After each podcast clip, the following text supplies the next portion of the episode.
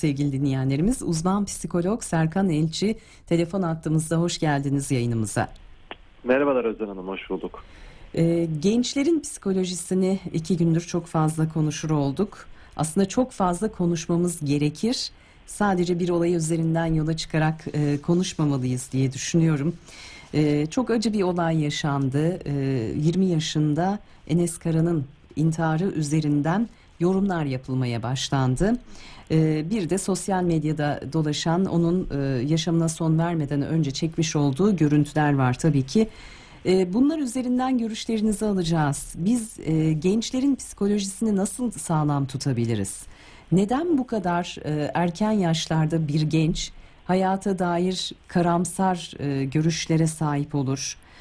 Bu mücadeleden zorlanır, ve e, bu mücadeleyi kazanamayacağını düşünerek kendi yaşantısına son verir. E, biraz bunun yanıtlarına bakalım istedik. Anne babalara hangi görevler düşüyor bu anlamda?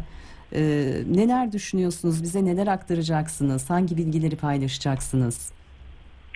Ee, öncelikle hem üniversitede ders vermemden kaynaklı hem de mesleğim gereği gençlerle oldukça sık bir arada bulunma imkanı buluyorum. Ee, sadece bugünler değil yakın zamanlar içerisinde de başvuran gençlerin birçoğu tabii ki depresif belirtileri oldukça yaygın görüyoruz. Özellikle umutsuzluk, çökkünlük, geleceğe dair olan bazı endişeler, bazıları ekonomik, bazıları sosyal, bazıları romantik ilişkilerine dair tabii ki kaygılar içeren e, belirtiler de görüyoruz. E tabii bunların belli başlı sebepleri olabilir. Bunlardan bir tanesine e, hemen hemen her konuşmamda geçirdiğim teknolojinin hayatımıza bu denli entegre olması. Tabii ki çok güzel, çok faydalı taraflarını da görüyoruz ama bir kişinin birden fazla birçok uyarıcıya, uyarana maruz kalması otomatik olarak gerçek hayattan sanal dünyaya bir e, evrilen bir sürece aslında tanıklık ediyoruz. Yani e, kimin nasıl giyindiği, nasıl durduğu, nereye gittiği, ne yaptığı oldukça kıymetli hale gelir oldu. Sosyal medyanın bu denli olumsuz kullanımı diyeceğim. Çünkü olumlu evet. kullanımlar da tabii ki mümkün ama olumsuz kullanımlarını da görüyoruz. E, bir diğer sebep olarak belki de hani kaynakların daha sınırlı gibi görülmesi, yaşın uzamasıyla beraber insan hayatının yaşamının uzamasıyla ne oluyor? Çalışma tabii ki süreleri de uzuyor. Çalışma süreleri uzadıkça yeni gelenlerin buna adapte olmalarıyla ilgili güçlük de yaşanmaya başlanıyor. E, bu da gençlerin belki de bugünler içerisinde yaşadığı sorunlar olarak bahsedebiliriz. Bir diğer ailelerin çok gözlemlediğim büyük bir hataları var. Özellikle üniversite tercih çağına gelmiş olan gençlerle ilgili. Üniversite tercihini kimin yaptığı çok önemli Özden Hanım. Yani evet. bizler kendi hayalimizdeki ulaşamadığımız noktaya ulaşmak için çocuğumuz üzerinden mi acaba bunu tamamlamaya çalışıyoruz?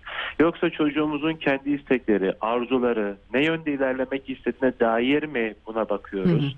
Genelde aileler şöyle bakıyor. İşte ben olamadım o olsun ya da ekonomik olarak bak şu bölümü seçersen hı hı. daha da iyi kazanç sağlarsın. O yüzden bu bölümü seç gibi bir e, iyi niyetli hatayla yaklaşıyorlar. Fakat hayatını sürdüreceği meslekten bahsediyoruz. Yani iş dediğimiz şey zaten işten geri kalan vakti daha kaliteli geçirmek için bir uğraştır bizim için. Hı hı. Eğer işten geri kalan vaktimiz kalmıyorsa otomatik olarak kaliteli bir hayatta sürebilmemiz mümkün değil. E, işte geçirmiş olduğum vakitte eğer benim için zul olacak kadar keyifsiz bir şeyse e, tabii ki de depresyondan, anksiyeteden yani kaygıdan söz etmemiz burada çok olağan, çok normal. Ee, özellikle ilk çocuklar bu arada maalesef evet. geçileri. Yani onların tercihleri genelde anne babalar Hı-hı. yaparlar. Sadece üniversite tercihleri değil. E, evlenme çağın gelmedi mi? Evlenirse Hı-hı. çocuk zamanı Hı-hı. gelmedi mi? Daha sonra eğer iki ve üç çocukları varsa onlar da ya biz bu hata yaptık. Burada biraz daha dikkat edelim denilip aslında ilk çocukların böyle bir problemle karşılaştıklarını Hı-hı. gözlemliyoruz. E, ergenlik dönemi zaten tamamen adı üzerinde delikanlılık dönemi. Yani oldukça kan kaynıyor. Tavırlar, davranışlar birbirinden farklı. Hı hı. Kişi kendi kimliğini bulmaya çalışıyor. Çocukluktan yetişkinliğe geçmeye çalışıyor. Çok arada sıkışılmış bir dönemde bu tür hayatın tümünü etkileyebilecek tercihlerde bulunuyor olmak da oldukça zorlayıcı. Evet. Dolayısıyla ailelerin burada aslında en önemli görevlerinden bir tanesi sen anlatmak istediğinde, destek istemiş olduğunda ben her zaman yanındayım. Ben buradayım. Hı hı. Onlar talep etmediği müddetçe biz bazı taleplerde bulunursak ya da bizim dayatmalarımızla bazı yolda ilerliyor olurlarsa maalesef e, sonuçlar kaçınılmaz oluyor. Yani e, Hı hı. belki de bir araba kullanmadan direksiyona geçmek gibi bir şey bu. Yani bilmiyor neyle karşılaşacağını. Ben şimdi e, mezuniyet safhasını hatırladım. Üniversiteden mezuniyet safhasını. Şimdi orada bir aidiyet e, edinmiştim kendime okuldayken. Çok seviyordum. E, okulumu da çok seviyordum. E, hatta birazcık da kendim e, karar verdim. E, iletişim fakültesini seçmiştim. Şunu diyenler de çok olmuştu. Keşke işte matematikle ilgili bir bölüme mi girseydin, sayısaldan mı girseydin sınava diye.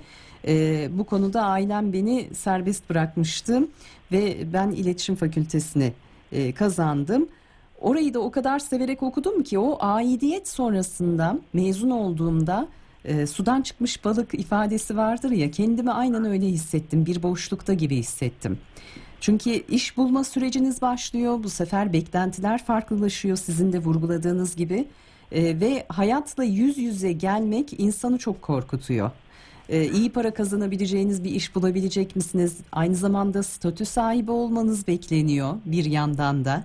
E, o statüyü size bulacağınız iş eğer kazandırmıyorsa e, o noktada biraz böyle saygı görmeyen bir kişi olma ihtimaliniz söz konusu ailenizin gözünde.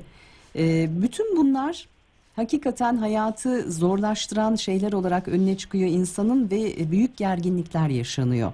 Yani bunları biraz düşünerek anne ve babanın yönlendirme yapması bir de e, şu çok önemliydi sizin vurguladığınız kendi yaşam e, şeklini çocuğa dayatmaması Evet. gerekiyor bir ailenin değil mi? Evet. Yani inançlarını, kendi beğenilerini. Çünkü çocuk sizden farklı bir e, birey. Biz galiba bunu atlıyoruz değil mi Sayın Serkan Elçi? Doğru bir uzvumuz gibi, bizim bir parçamız gibi. Uzantımız gibi düşünüyoruz. Kesinlikle öyle. 0-6 yaş dönemindeki o fiziksel ve psikolojik ihtiyaçlarını karşıladığımız çocukmuş gibi. Hayır artık bir birey, artık bir genç, bir fikri var, bir düşüncesi var. Karşılaşmış olduğumuz çok fazla dayatmalı bir aileyle karşılaştığımızda çocuk bir süre sonrasında ailenin aslında isteklerine yanaşacağı varsa da yanaşmıyor. Hı hı. Yani e, düşüncesi o yönde olsa da uzaklaşmaya başlıyor. Çünkü bu dönemin en önemli zaten belirtilerinden bir tanesi e, asi bir ruh var burada. Yani Evet, evet. örnek veriyorum beden benim bedenim, hayat benim Hı hı. hayatım, karar benim kararım. İşte neler karşılaşıyoruz? İşte koluna kesiler atanlar diyebiliriz. Hı hı. Ya da aile işte örnek veriyorum e, dövme benim kırmızı çizgim diyebiliyor. Çocuk ertesi gün dövme yaptırıp Hı hı. gelebiliyor. Yani e, yapmasını istemediğimiz şeyleri keskin ifadelerle dile getirdiğimiz zamanlarda e, zaten bu dönem bunu çok müsait karşı geliyor. Her şeye karşı, hayata karşı öfkeli, kendine öfkeli, bedenini tanımaya çalışıyor. Doğru. Oldukça zor bir süreç ki çok çabuk unutuyoruz o dönemlerimizi. hı, hı hı. Ha, tabii ki geçmişe şimdi dönüp baktığımız zaman e, duyuyoruz. Ya bizim dönemimizde ergenlik mi vardı? Annem bir bakardı, bir terliği gösterirdi. Benim ergenliğim orada biterdi.